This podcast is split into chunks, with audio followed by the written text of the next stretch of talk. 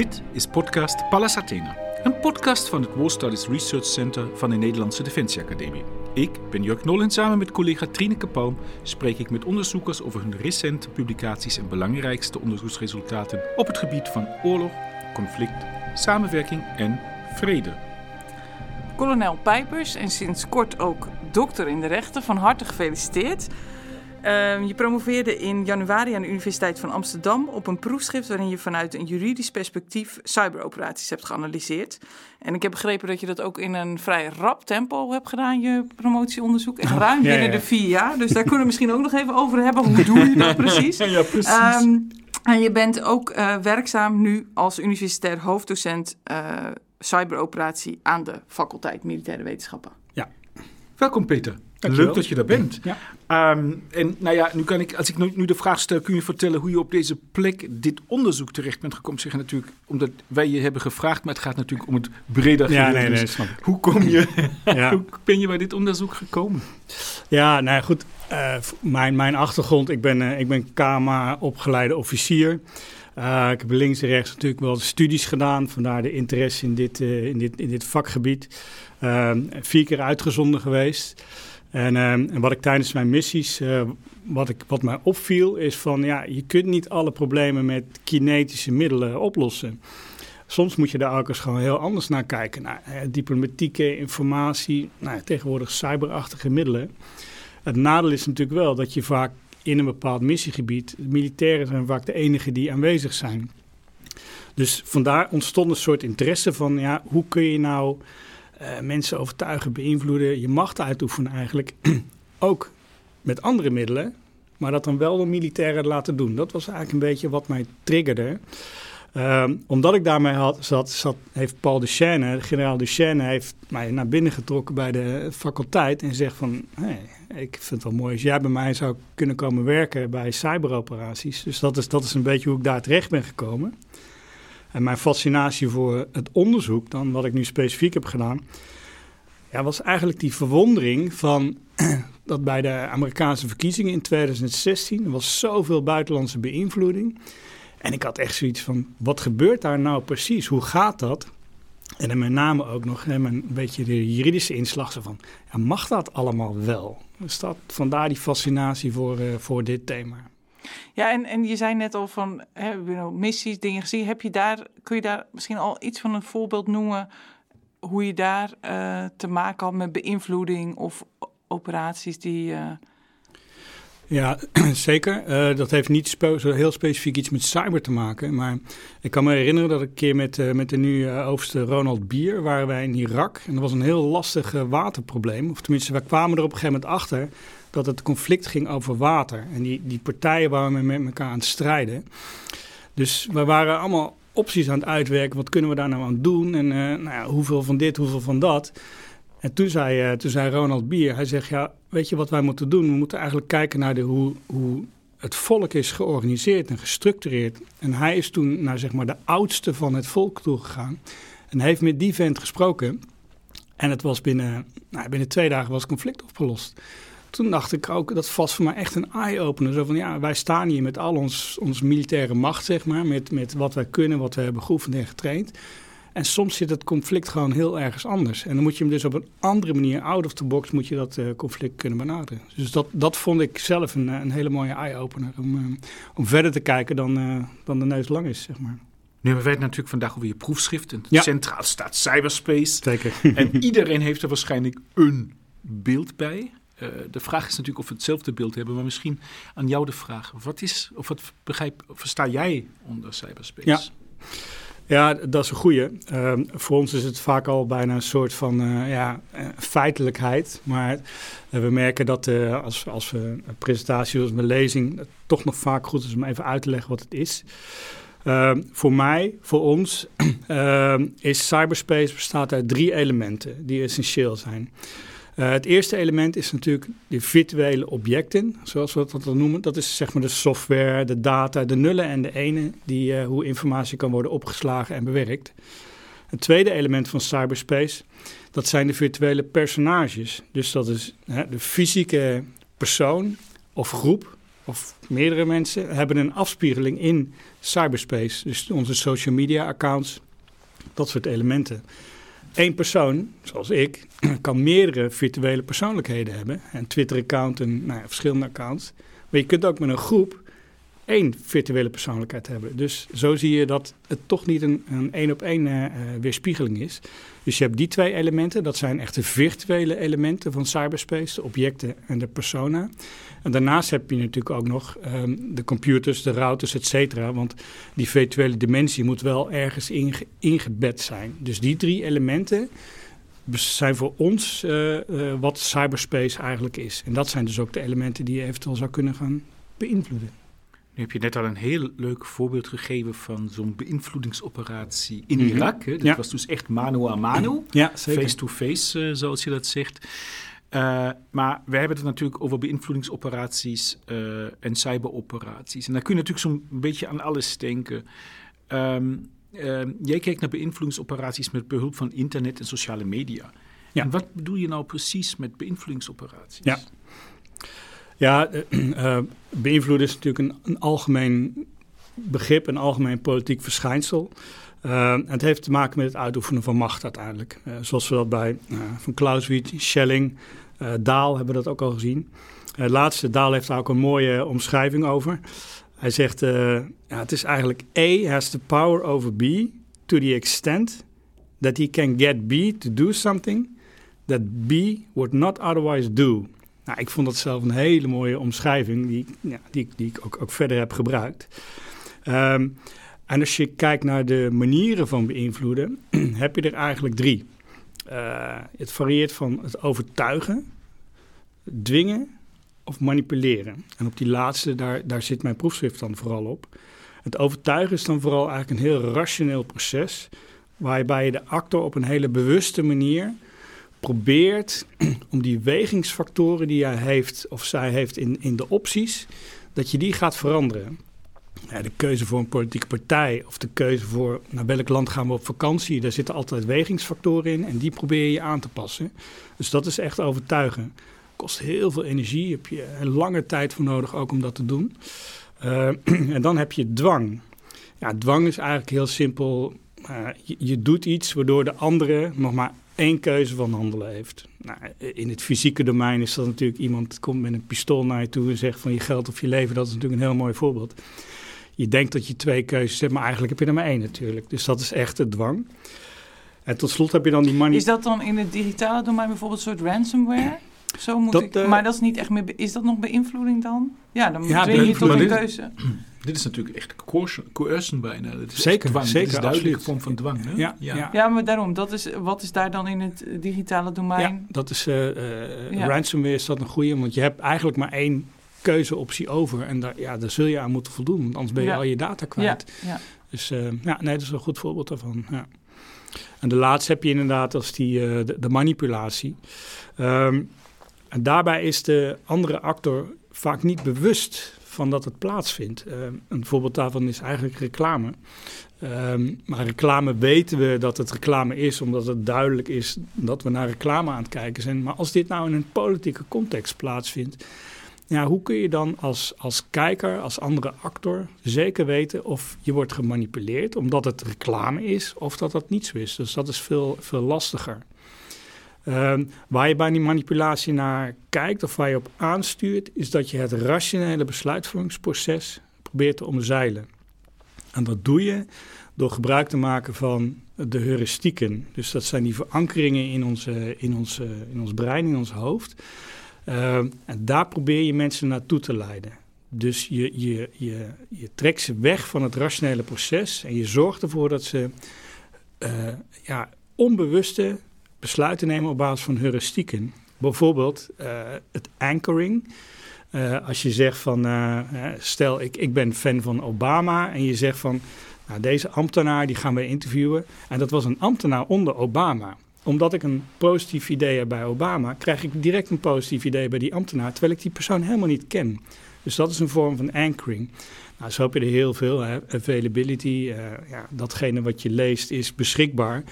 Dus ja, wat je niet leest of ziet, ja, daar hou je ook geen rekening mee. Dat zijn hele normale principes uh, in je hoofd. Die, uh, en als je daar actief gebruik van maakt als beïnvloeder, daarmee eigenlijk kan manipuleren. En je ziet, zeker in, in dat onderzoek en de cases die ik heb onderzocht, dat manipulatie was wel het dominante thema. Nou, daar komen we zo denk ik ook nog wel uitgebreid over terug. Um, ik wil nu nog eventjes terug naar... Hè, als uh, hebben we het begrip cyberoperaties, we hebben het begrip beïnvloedingsoperaties. Maar jij kijkt er ook specifiek met een militaire bril naar. Dus in hoeverre hebben we het bij cyberoperaties, uh, beïnvloedingsoperaties over oorlogsvoering, digitale oorlogsvoering? Of ja, inderdaad, beïnvloeding klinkt ook nog wel een beetje soft. netjes, hè? Ja, precies. Ja. Ja, uh, uh, het, uh, het framen is, is natuurlijk ook een, een, belangrijk thema in, in mijn onderzoek. Hoe, hoe zet je wat weg? Hoe benoem je bepaalde zaken? Ehm, ja, voor ik op je, je vraag antwoord. Ehm, er zijn, als je het hebt over digitale beïnvloeding en digitaal conflict en digitale oorlogvoering, ligt er aan hoe men het frame brengt. Er zijn meerdere variaties zijn daarin. Je kunt in de eerste plaats digitaal spioneren. Dat is natuurlijk ook een activiteit wat zeker militaire actoren, inlichtingenactoren ook, ook heel veel uh, doen. Uh, ik heb dat zelf verder niet meegenomen in mijn onderzoek, omdat ik mij heel erg richt uiteindelijk natuurlijk op een internationaal rechtelijke toetsing. En internationaal rechtelijk is spionage, uh, het is niet onrechtmatig. En ik gebruik met opzet een dubbele ontkenning, dus het wordt gedoogd. Dus ik ben daar in mijn onderzoek verder niet op doorgegaan. Uh, daarnaast heb je nog de digitale ondermijning. En dat is wat, wat ik dan de hard cyberoperaties, uh, wat, wat ik daaronder versta. En dat betekent dat je met, met digitale middelen, die drie lagen in cyberspace die ik net uitlegde, die ga je proberen te ondermijnen. En ondermijnen is dan weer zo'n eufemisme, maar eigenlijk ga je die kapot maken. Gewoon veranderen. Je gaat data kapot maken, manipuleren, zodat het niet meer gebruikt kan worden. Dus dat is echt wel een activiteit die, ja, die je misschien wel deels ook kunnen vergelijken met een soort kinetische activiteit. Of dat je een andere uitkomst krijgt, zoals bij verkiezingen Absoluut, absoluut. Ja, ja, dat is een heel duidelijke hard cyberoperatie. Waarbij je een, een, een, een kiessysteem, een kiesapparaat, dusdanig de algoritmes uh, of de, de code verandert. Dat je ik toets A en er komt uit B, weet je, dat soort dingen. Een soort dat, uh, dank voor uw stem op. Ja, precies. ja. En, uh, en de laatste, dus naast de cyberspionage en de hard cyberoperaties, heb je ook nog de zogeheten soft cyberoperaties, oftewel de beïnvloedingsoperaties. En die gebruiken eigenlijk het cyberspace als een, als een vector, als een communicatiemiddel, om daarmee de cognitieve dimensie te, te, ja, te beïnvloeden. Uh, en de operaties die ik heb onderzocht zijn initieel ook allemaal beïnvloedingsoperaties, dus soft cyberoperaties. Uh, waar ik denk de militairen wel een rol in kunnen spelen. Maar de vraag is of zij dat als eerste zullen moeten doen. Maar dat is misschien nog iets waar we nog op terug kunnen komen. Want ik, ik wil zeker jouw vraag over die oorlog eh, behandelen, uh, bespreken. Want dat is natuurlijk wel een, wel een goede. Um, en dan kom ik toch terug op dat woord van hoe frame je een bepaalde casus. Um, door het te framen als cyberoorlog claim je het ook al een klein beetje voor het militaire domein. Uh, dat is misschien wel goed vanwege het pak wat ik aan heb. Maar ik weet niet of daar, daar de beste oplossingen uitkomen. Want ik denk dat de cyberconflicten. Uh, we kijken ook, ook nu naar Oekraïne bijvoorbeeld. Dat is een, een stuk breder dan alleen maar in het militaire domein. En als je ook de oplossing alleen maar in het militaire gaat zoeken. ga je geen oplossingen vinden. Dus ik vind dat wel een gevaarlijke. Um, en zeker ook omdat het gros van alle cyberoperaties. tussen haakjes cyberoperaties plaatsvinden onder het niveau van geweld. Dus eigenlijk zijn het geen, het is het geen oorlog. Het is niet eens een conflict. Het is een, ja, het is een competitie bijna in het uh, cyberdomein.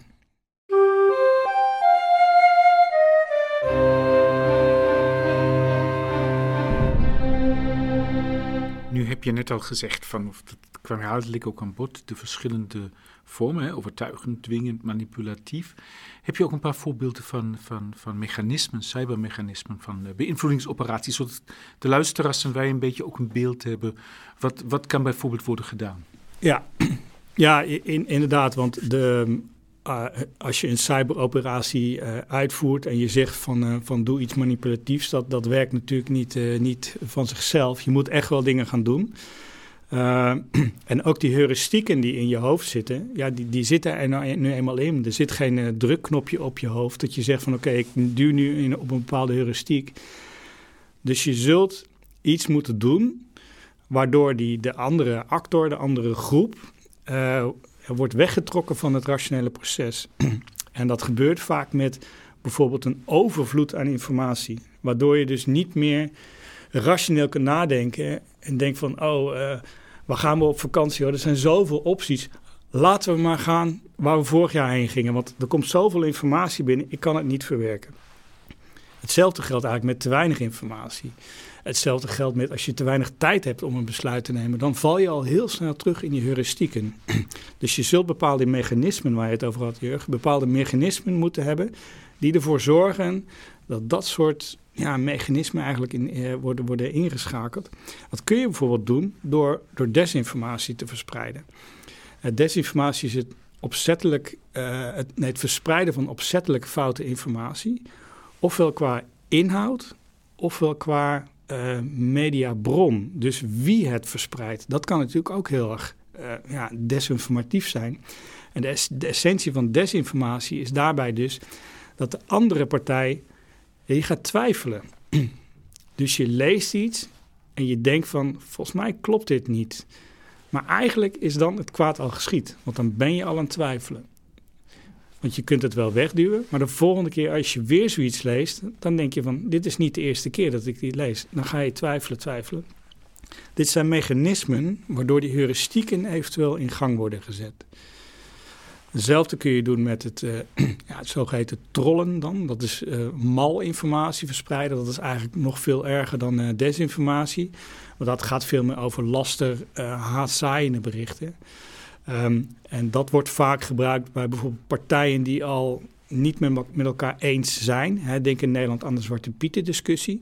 Dat is op zich een prima discussie, omdat we toch nog steeds een gezamenlijk fundament hebben, een gezamenlijke ideologie in Nederland. En daarbovenop kun je dus heel goed met elkaar discussiëren en ook heel goed met elkaar oneens zijn. Dat is prima. Maar ga je die partijen, ga je die bestoken met, met, met malinformatie, met trollen, dan krijg je een soort polarisatie. Omdat ook dan het fundament, dat ideologische fundament wat daaronder zit, valt dan ook weg. Dus dat, uh, dat zag je en zie je heel veel. En een laatste is eigenlijk het lekken van informatie. Die ik dan in deze. Zijn heel veel hoor, maar ik wil het even hierbij laten. Uh, het lekken van informatie, waarbij je eigenlijk feitelijke data verspreidt. Maar degene die het ontvangt, verwacht die data niet. Bijvoorbeeld in de Amerikaanse casus zijn uh, de bestanden uh, uh, gestolen van bijvoorbeeld het Clinton-team. Waardoor er allemaal informatie naar buiten kwam over mevrouw Clinton. Ja, die toch wel aangaf dat zij niet zo integer was als dat, dat ze altijd wilde, wilde laten zien. Maar die informatie wordt dan verspreid via een of ander obscuur uh, social media platform. Yeah. En dan heb je nogmaals, ondanks dat de data waar is, ga je twijfelen, want je vertrouwt die mediabron niet. Nou, al dat soort elementen van twijfel zaaien, uh, zorgen dat mensen nou, niet meer precies weten wat de waarheid is. Dat zorgt ervoor dat je niet meer rationeel gaat denken. Of althans, dat heel veel mensen niet meer rationeel gaan denken, maar juist uh, terugvallen op de heuristieken. En feitelijk ben je dan aan het manipuleren. Ja, en dit klinkt allemaal heel, uh, nou eigenlijk best wel ook uh, sociaal-wetenschappelijk. We hebben het heel erg over hoe mensen denken en, ja, en dat soort dingen. Zeker. Maar uiteindelijk heb je hier als jurist naar gekeken. En um, eh, en, en ook niet, hè, want dat had ook nog gekund. Je had het natuurlijk ook heel erg militair operationeel kunnen aanvliegen. Van wat heeft Rusland uh, specifiek gedaan op welk uh, moment. Maar het was dus een juridische analyse met twee centrale concepten: soevereiniteit en het begrip van non-interventie. Um, nou, dit zal ook in het verdere gesprek wel terugkomen. Maar misschien kort toch even toelichten uh, wat je daar als jurist onder verstaat. Want bij ja, als jurist ja. gaat het natuurlijk over hoe definiëren we concepten. Zeker, ja. Ja, dat is altijd een uh, lastig element, want het is vaak uh, voor juristen eenvoudig en voor niet-juristen is het uh, ja, inderdaad even lastig om het handen en voeten te geven. maar die soevereiniteit en non-interventie, ik wil toch eerst even aangeven waarom ik dit zo'n zo belangrijke, zulke belangrijke thema's heb. Um, en dan haak ik eigenlijk in op wat ik net zei, dat de, het gros van alle cyberoperaties vinden onder een niveau van geweld plaats.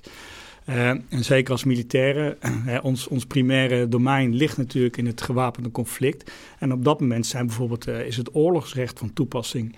Uh, kijken we naar wanneer mogen we ons zelf ons verdedigen, wanneer geldt zelfverdediging, wanneer is, is, is iets een gewapend conflict, een armed attack, wanneer spreken we over gebruik van geweld. Dat is hier dus allemaal niet aan de orde. En dat is met heel veel cyberoperaties is dat niet aan de orde. Dus je zit altijd daaronder. Maar daaronder is geen wilde westen natuurlijk in, in, in de regelgeving. Daaronder heb je ook nog regels. En de meest belangrijke daarbij zijn die soevereiniteit en die non-interventie. Dus dat is toch, vind ik, het, het belang van die, van die twee begrippen. Um, een, een, tweede wat ook wel van belang is, dat, uh, en dat is eigenlijk meer een soort van beperking uh, op, op het onderzoek, is dat die begrippen soevereiniteit en non-interventie en eigenlijk het grootste gedeelte van het internationale recht uh, is van toepassing op staten. dus daar moeten we wel even naar kijken. Dat, dat zie je ook terug in de keuze van mijn cases, want dat is vaak een staat tegen een staat. Terwijl ik natuurlijk me ook wel realiseer dat er heel veel andere ehm, cyberoperaties zijn op dit moment. Um, de, daaraan gekoppeld ook nog wel uh, de doelstelling. Want, want die soevereiniteit en non-interventie klinkt heel duidelijk. klinkt hartstikke helder juridisch begrip. Maar dat is het eigenlijk niet. Er is heel veel discussie over wat is nou precies soevereiniteit en wat is nou precies non-interventie. En met name de interpretatie daarvan. Die is er altijd al geweest. Maar met de opkomst van cyberspace heeft dat weer een, ja, nieuwe draai gekregen. En er zijn zelfs landen die zeggen: soevereiniteit geldt niet als een primaire rechtsregel uh, van internationaal recht. Dus die zeggen van we houden er wel rekening mee als een soort principe, maar niet als een rechtsregel. Nou, daar ontstaat natuurlijk onzekerheid, juridische onzekerheid. En een van de doelstellingen was om, om om zo soevereiniteit en non-interventie uit te pluizen, om daar wat, uh, ja, wat meer, meer helderheid in te krijgen. Uh, soevereiniteit heeft, wat ik net al zei, het gaat tussen landen en juridisch zijn alle landen gelijk. Ja, in de praktijk natuurlijk niet, maar juridisch wel. Uh, dat betekent ook, het gevolg daarvan is dat je niet mag interveneren in een ander land, want we zijn immers allemaal gelijk. Uh, dus, dus non-interventie betekent dat je niet met dwang, hè, daar komt dat woord dwang dat komt steeds weer terug, niet met dwang mag interveneren ja, in de zogeheten jurisdictie van een staat. Dus datgene waar een staat zelf over mag, uh, mag beslissen. Uh, we hebben bijvoorbeeld rechten, we hebben mensenrechtenverdragen, internationale mensenrechtenverdragen. Dat valt dus niet binnen de Nederlandse jurisdictie, omdat dat al door een internationaal verdrag wordt geregeld. Maar, maar er is dus nog steeds een heel groot gedeelte waar Nederland zelf over mag bepalen. Daar mag je dus niet in interveneren.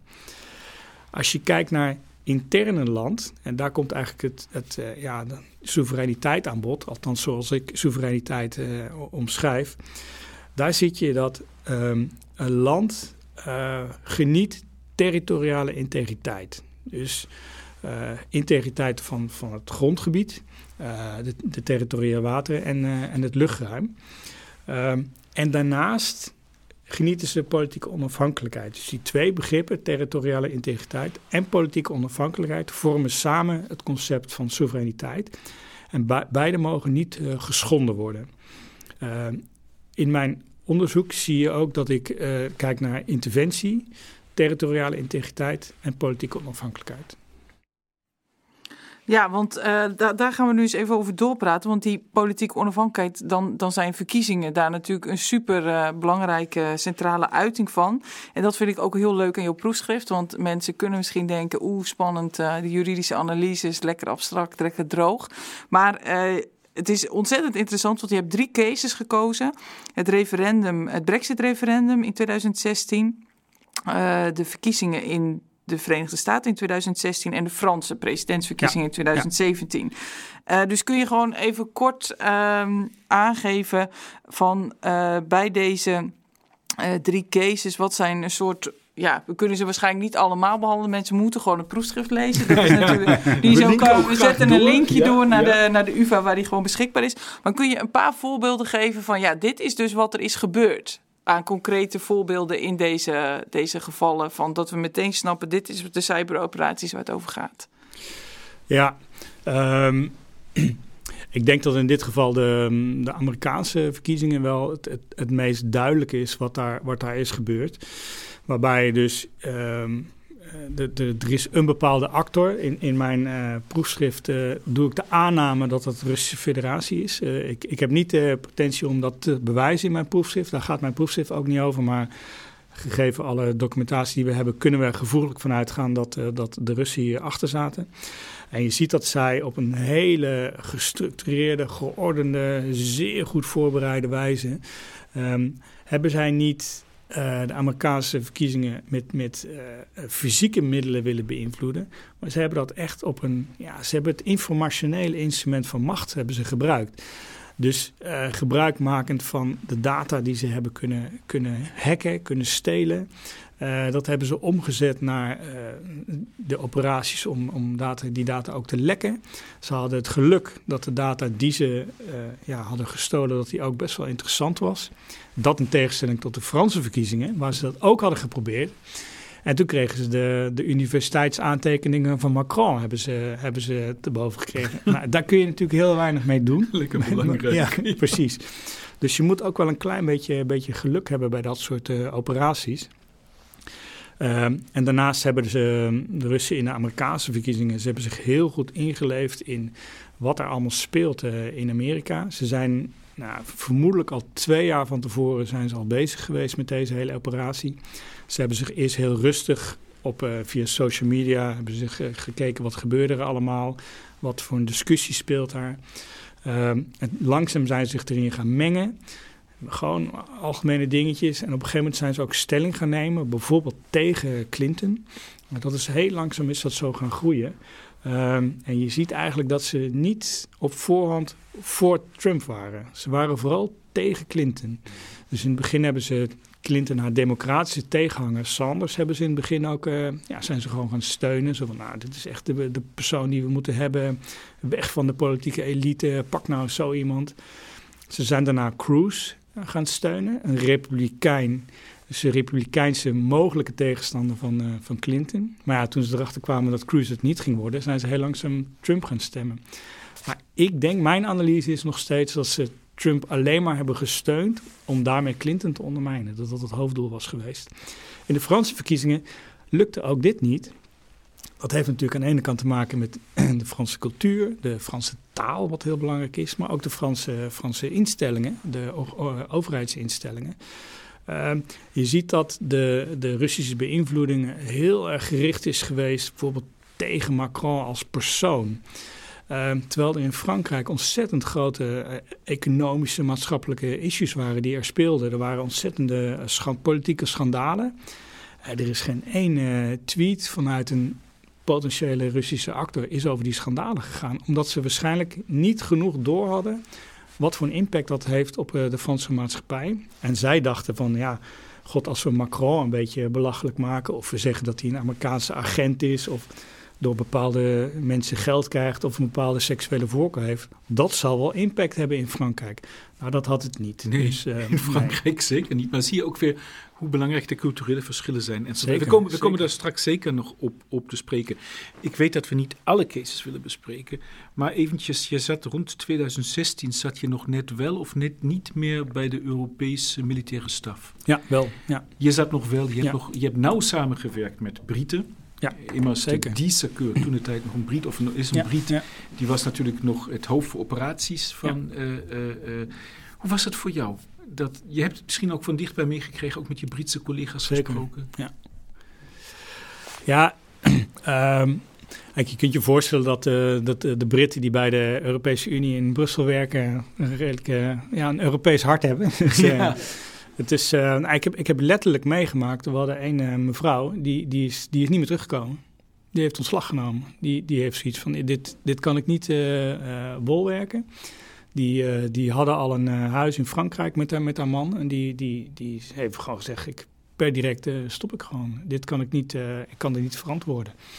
Dus het had, het had best, wel, best wel impact. Um, en ja, kijk, aan de ene kant kun je zeggen van ja, het is natuurlijk een soeverein besluit van de Britten. Ze mogen dat doen. Uh, ja, uh, als je kijkt ook naar de historie van, eh, van, uh, van Engeland ten opzichte van de EU, daar, daar zit wel wat oud zeer natuurlijk. Je zou kunnen zeggen, misschien was hun lidmaatschap een beetje de uitzondering op de regel.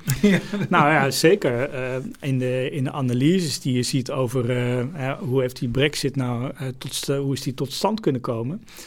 Um, sommige mensen zeggen niet, ja, je moet niet kijken naar bijvoorbeeld de zes maanden voor het referendum, maar je moet eigenlijk kijken naar de 40 jaar ja, daarvoor. Ja, ja. Want alle partijen, de, zowel de Labour als de Conservative, iedereen heeft constant, als er iets misging, EU constant, precies, aan EU-bashing Maar was er dan nog een beïnvloedingsoperatie nodig? Juist, ja, precies. Nou, in de, in de Britse case wat ik daar heel erg interessant vond, is dat, uh, en ik heb het over interesse vanuit academisch perspectief, ja, ja, ja, ja is, uh, is de, de, de, de nationale beïnvloedingsoperatie die al liep. Dus de, het Leave-kamp uh, had een hele, hele sterke beïnvloedingsoperatie. En echt een case waar je heel veel van kunt leren. Ondanks dat die, vind ik persoonlijk, een negatieve uitkomst had. Um, en wat de Russen hebben gedaan, is die hebben hier, zijn hier gewoon op aangehaakt. Um, waar Lief vooral wilde natuurlijk uh, dat de, de Britten uit de EU gingen, hadden de Russen waarschijnlijk wel een ander doel natuurlijk. de Russen, ja, het zal de Russen weinig uitmaken wie wel en niet binnen de EU zit. Wat ze wel interessant vinden is natuurlijk of er een chaos is in die EU, of er een splitsing is in de EU. Je ziet het ook met... met uh... ja, en misschien de Britten, die zijn traditioneel vrij kritisch altijd een vrij stevige positie ten opzichte van Rusland. Als ze eruit zitten, dat, maakt misschien de EU ook nog weer een soort uh, makkelijker om te handelen. Ja, nou zeker. Er, er zat wel een element in, denk ik, van, uh, van dat men het naar vond hoe de Britten zich gedroegen. zeker met de sancties die er allemaal waren. Maar aan de andere kant, heel veel van de sancties die er waren, waren vooral EU-sancties, waar de Britten natuurlijk voor waren. Ehm, maar er zit misschien wel ja, een soort van, van sentiment tussen de landen waarbij ja. de, de, de, Britten zich toch wel uh, opstellen als een, een van, de, van de wereldmachten die een bepaalde houding heeft ten opzichte van Frankrijk. je ziet dat een land als Duitsland zich daar compleet anders in opstelt. Terwijl Duitsland misschien wel eigenlijk een grotere wereldmacht is op dit moment dan, uh, dan Engeland. Dus daar zit wel verschil in, zeker. Ja.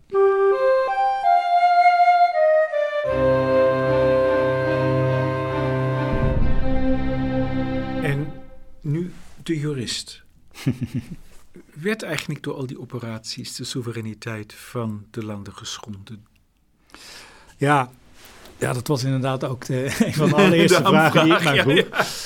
En ik denk, die ga ik beantwoorden met ja en nee. Maar dat, uh, dat ging hem niet worden. Je zo juridisch. ja, dus uh, nee, ik heb daar in mijn, uh, in mijn onderzoek... ben ik dat inderdaad helemaal gaan, gaan uitsplitsen. Uh, ik heb aan de ene kant die, uh, de operatie zelf. Dus dat is inderdaad meer inderdaad dat, uh, dat maatschappelijke, dat, dat sociaal-politicologische ben ik helemaal gaan, gaan uitsplitsen met de voorbereiding van de operatie, de uitvoering van de operatie, de exploitatie daarvan. En aan de andere kant ben ik natuurlijk die, die juridische elementen ben ik helemaal gaan uitsplitsen, zodat ik uiteindelijk een soort kruisverwijzing kon, kon of een cross-reference kon gaan doen. Ehm, ik heb gekeken naar die territoriale integriteit, wat ik zei, de politieke onafhankelijkheid en, uh, en de non-interventie. Ehm, als je kijkt naar de Britse case, dan uh, er zijn, zover we weten, zijn geen Russen in Engeland geweest voor de beïnvloeding. Want als dat het geval zou zijn, zou je natuurlijk direct een schending van uh, integriteit hebben. Dat is niet het uh, geval geweest. En ook hebben ze niet, zijn ze niet gaan hacken. Dus ze zijn niet via de computers uh, proberen in het systeem van de Britten te komen. Dus in die zin is de territoriale integriteit van Engeland eigenlijk niet geschonden. En ook die beïnvloedingsoperatie was natuurlijk mijn, de hoofdmoot van mijn onderzoek was. Die heeft de territoriale integriteit niet geschonden. Um, we zien dat ook bij de Britse en de Franse case trouwens niet. Dus de, een beïnvloedingsoperatie in cyberspace schendt niet de territoriale integriteit. Dat vond ik wel een, een, een mooie conclusie. Uh, en zeker ook als je kijkt naar die landen die vinden dat soeverein niet geldt in cyberspace. Ja, in dit opzicht hebben ze misschien wel een punt. Maar in het algemeen hebben ze geen punt, denk ik. Want de schending van de politieke onafhankelijkheid heb je wel nog. En dat heeft in Engeland wel plaatsgevonden.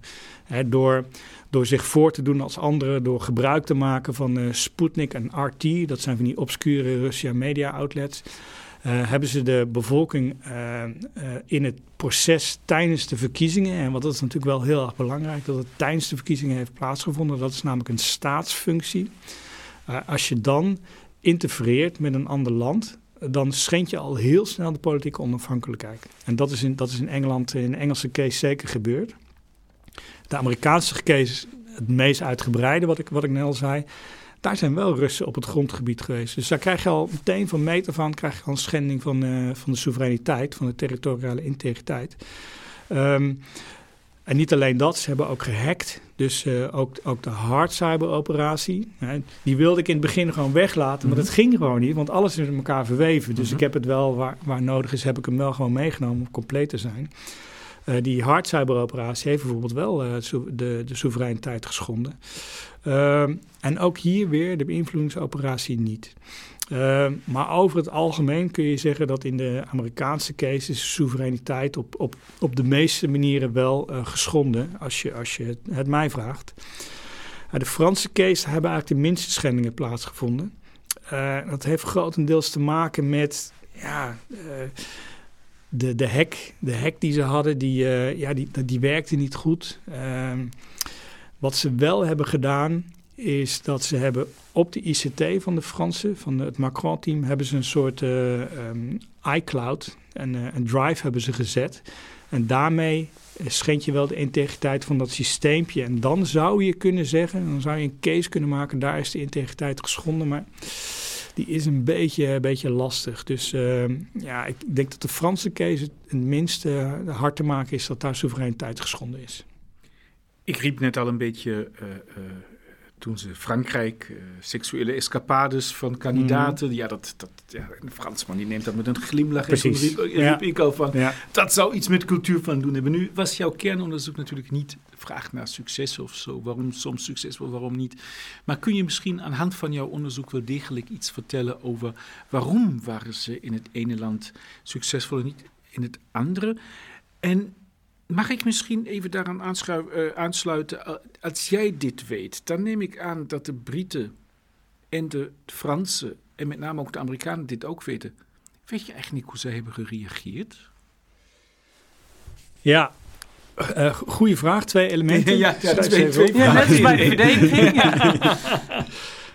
uh, ja, met het reageren. Uh, de Fransen hebben hier eigenlijk maar heel erg sumier op gereageerd. De Fransen hebben zelfs geen, uh, geen uh, onderzoek ingesteld. Dat hebben de Britten en Amerikanen wel gedaan. Uh, en dat kwam eigenlijk omdat uiteindelijk. De Fransen hadden zoiets van: ja, het zijn verkiezingen. Dat is natuurlijk een heel gevoelig, kwetsbaar element. Iedereen mag daar zijn mening geven. Ehm, wij vinden misschien ook wel iets van de mensenrechten in China. En dat zeggen we dan af en toe ook nog wel eens. Dus ja, wat is er eigenlijk fout gegaan? Daarnaast, we hebben natuurlijk traditionele media, we hebben onze eigen gremia, we hebben onze eigen. Dus, dus wij zijn daarin ook best wel beschermd. Daarnaast, Frankrijk heeft ook best wel redelijk goede wetgeving. Uh, uh, denk aan de privacywetgeving die wij in Nederland natuurlijk ook hebben, die in Amerika niet is. Hè? Dus dat soort ja, verankeringen zorgen er wel voor dat het misschien in Frankrijk ja, minder een impact had. In Engeland hebben ze wel een onderzoek eh, ingesteld. En in het tussentijdse rapport van het onderzoek staat heel duidelijk van uh, de Russische beïnvloeding bij de verkiezingen. En in het eindrapport is dat dan toch weer wat weggeëpt. En dan zie je toch dat het heel erg indirect was, al die beïnvloeding. Waardoor ze er een minder groot punt van hebben willen maken. Uh, er zijn na afloop zijn er kamervragen gesteld. En daar werd ook gezegd van ja, moeten we die, die brexit, moet die niet uh, uh, ongedaan worden gemaakt? Want we hebben een overmatige... En daar is, uh, daar is zelfs niet eens een debat over gevoerd. Die zijn schriftelijk beantwoord door de regering. En die zijn van ja, we hebben eigenlijk het effect van die beïnvloeding hebben wij niet gezien. Dus dat geeft ons geen reden om hier onderzoek verder naar te doen. Ja, het is een beetje, misschien is het typische Brits of zo, dat, dat weet ik niet. Maar je ziet wel dat die landen daar inderdaad heel anders op reageren. En in Amerika zijn natuurlijk grootscheepse onderzoeken geweest van het Mueller, de, de Senaatscommissie voor de, voor de inlichtingen, voor de inlichtingssector. Heeft vijf rapporten doen verschijnen over deze hele casus. Uh, en daar zie je dat men uh, ja, toch wel vindt dat de Russen behoorlijke beïnvloedingen, uh, operaties hebben, hebben uitgevoerd. Dus ze zijn daar echt heel erg anders mee omgegaan. En, en nou, kijk, in mijn perceptie, dat komt niet echt terug in mijn onderzoek hoor, is wel dat doordat de Amerikanen hier best wel hard zijn ingegaan, zie je dat de relatie met Rusland ook ook uh, ja, verder, verder uit elkaar is gedreven eigenlijk. Um, want alles is gebaseerd op een soort van suggestie natuurlijk. Hè, en wat ook nog werd versterkt door de relatie die Poetin en Trump uh, na de verkiezing van Trump uh, gingen krijgen. Dus ja, ik weet niet of de rapporten daar echt heel erg uh, behulpzaam zijn geweest om weer orde, orde, en rust in de maatschappij te krijgen. Dus, uh, maar in Amerika hebben ze wel, daar wel heel erg heftig op gereageerd. En met name het, het, het Mueller-rapport is echt, is echt super, super interessant. ja. Ja, en ook even vooruitkijken, want uh, ja, die beïnvloedingsoperaties die kunnen natuurlijk nog steeds uh, plaatsvinden en vinden ook plaats. Dus ik moet uh, ja, misschien niet rondom verkiezingen denken, maar we zien momenteel natuurlijk in het nieuws heel veel dat cyber een grote rol speelt bij het conflict tussen Rusland en Oekraïne. Um, ja, ik moet ook denken aan onze eigen situatie. Dus ik moet aan van alles denken hoe dit uh, in de toekomst ook zou kunnen werken. En nou zijn wetenschappers natuurlijk altijd voorzichtig over uh, iets zeggen over wat ze niet onderzocht hebben. Maar zou je misschien in eerste instantie maar even over de, ja, de actualiteit met Rusland en Oekraïne, hoe jij dus vanuit je onderzoeksbril, ja. Uh, ja, wat zie je dan gebeuren nu op dit moment? Ja, ja, het is inderdaad een hele, hele interessante, interessante casus. Uh, uh, boeiend, en, maar ook spannend hoor. Als, als, als mens, als, uh, als militair ja. en, en, bovenal als, als cyberonderzoeker. Ja, laat ik vooropstellen dat ten eerste ik hoop dat dit niet escaleert tot iets groot militairs. dat, dat ten eerste, dus geen gewapend conflict. En ten tweede, wat ik toch wil zeggen, de, de ondermijnende rol van Rusland moeten we ook niet bagatelliseren. Ja, dus dat, dat blijft wel, bij alles wat ik hierna zeg, moet dat wel even in gedachten worden gehouden.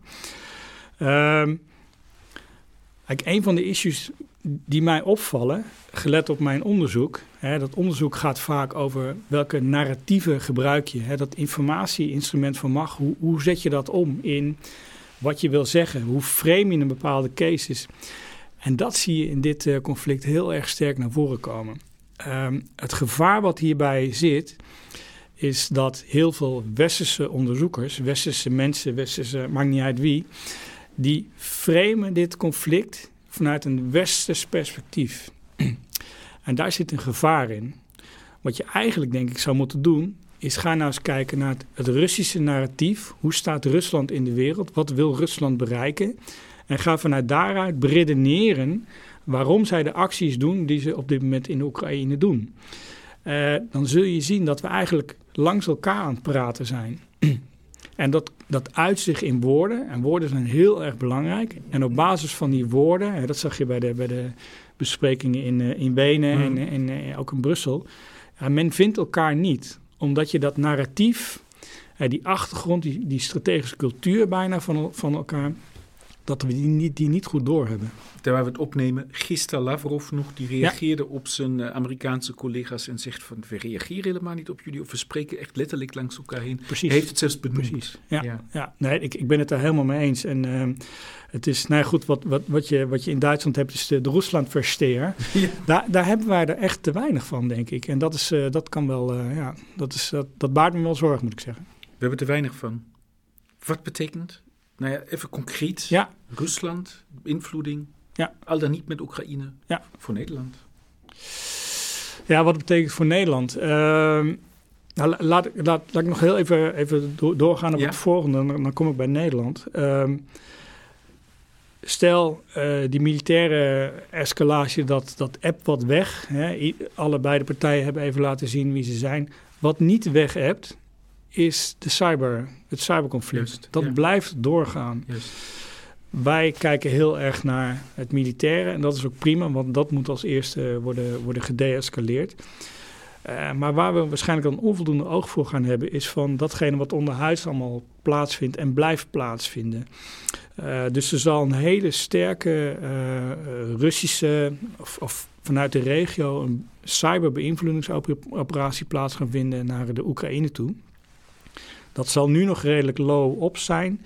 Maar stel we gaan naar een verkiezing toe bijvoorbeeld, of, of dat Oekraïne nogmaals een keer toenadering zoekt tot de EU, dan gaat dit natuurlijk een ontzettende uh, hot topic worden.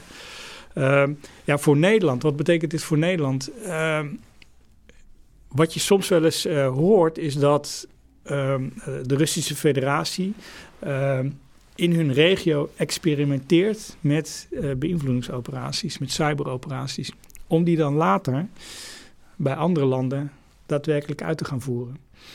Uh, ik denk niet dat Nederland volledig op de radar staat bij, uh, bij, bij Rusland. Er zijn helaas echt wel belangrijke spelers. Maar met MH17, de, de rechtszaak die nu gestart Zeker, is Zeker, maar dat, die is, dat had ook...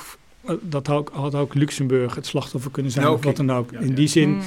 Eh, ja, in die zin is Nederland uh, interessant, omdat men daar ook probeert de uh, ja, twijfel te zaaien. Hè? Dat, die, die, datzelfde systeem wat ik net zei. Uh, ja, het kan ook dit zijn, ja, maar dit kan ook de waarheid zijn geweest en dat kan ook de waarheid zijn geweest. En op een gegeven moment weet je het niet meer. Iedereen gaat twijfelen en niemand weet meer precies wat er, wat er zeker is. Dus je ziet dat dit soort mechanismen die ze gebruiken, ze hebben, ze hebben ook heel erg veel in het Midden-Oosten gebruikt. Uh, de, bij, de, bij de Arabische opstand, et cetera, daar zijn ook allemaal dit soort elementen zijn allemaal meegenomen. En die gebruiken ze dan als het er echt toe doet. Inderdaad, zoals bij de MH17-case, daar doet het er echt toe. Dan moeten ze die plausible deniability moeten ze te werk stellen. En dat kunnen ze doen met uh, informatie- en cyberoperaties. Dus in die zin, uh, we gaan er allemaal last van krijgen. We moeten er heel bewust van zijn dat dit ook kan uh, gebeuren. Ja. ja, want is dat dan ook iets waar uh, ja, gewone burgers ja, zich van bewust moeten zijn? Wat kun je daar dan zelf aan doen? Niet, ja. Ja, ja, wat kun je eraan doen? Dat is altijd, altijd de meest lastige vraag natuurlijk die er is. Um, nou, wat zou je dan on, nou misschien uh, de burger in algemene zin is misschien heel alge is, is te breed, maar nou, onze kadetten die krijgen dat mm -hmm. natuurlijk in de opleiding nu wel uh, over mee. Wat, wat geef je die mee? En dat kan misschien dan ook wel nuttig zijn voor uh, burgers buiten het kasteel. Ja, ja, ja. Um, de, de, de, de, cases die ik, ik heb onderzocht, die beginnen natuurlijk in 2016 bij, de, bij het Britse referendum. Dan uh, 2016 uh, Amerikanen en uh, 2017 de Fransen.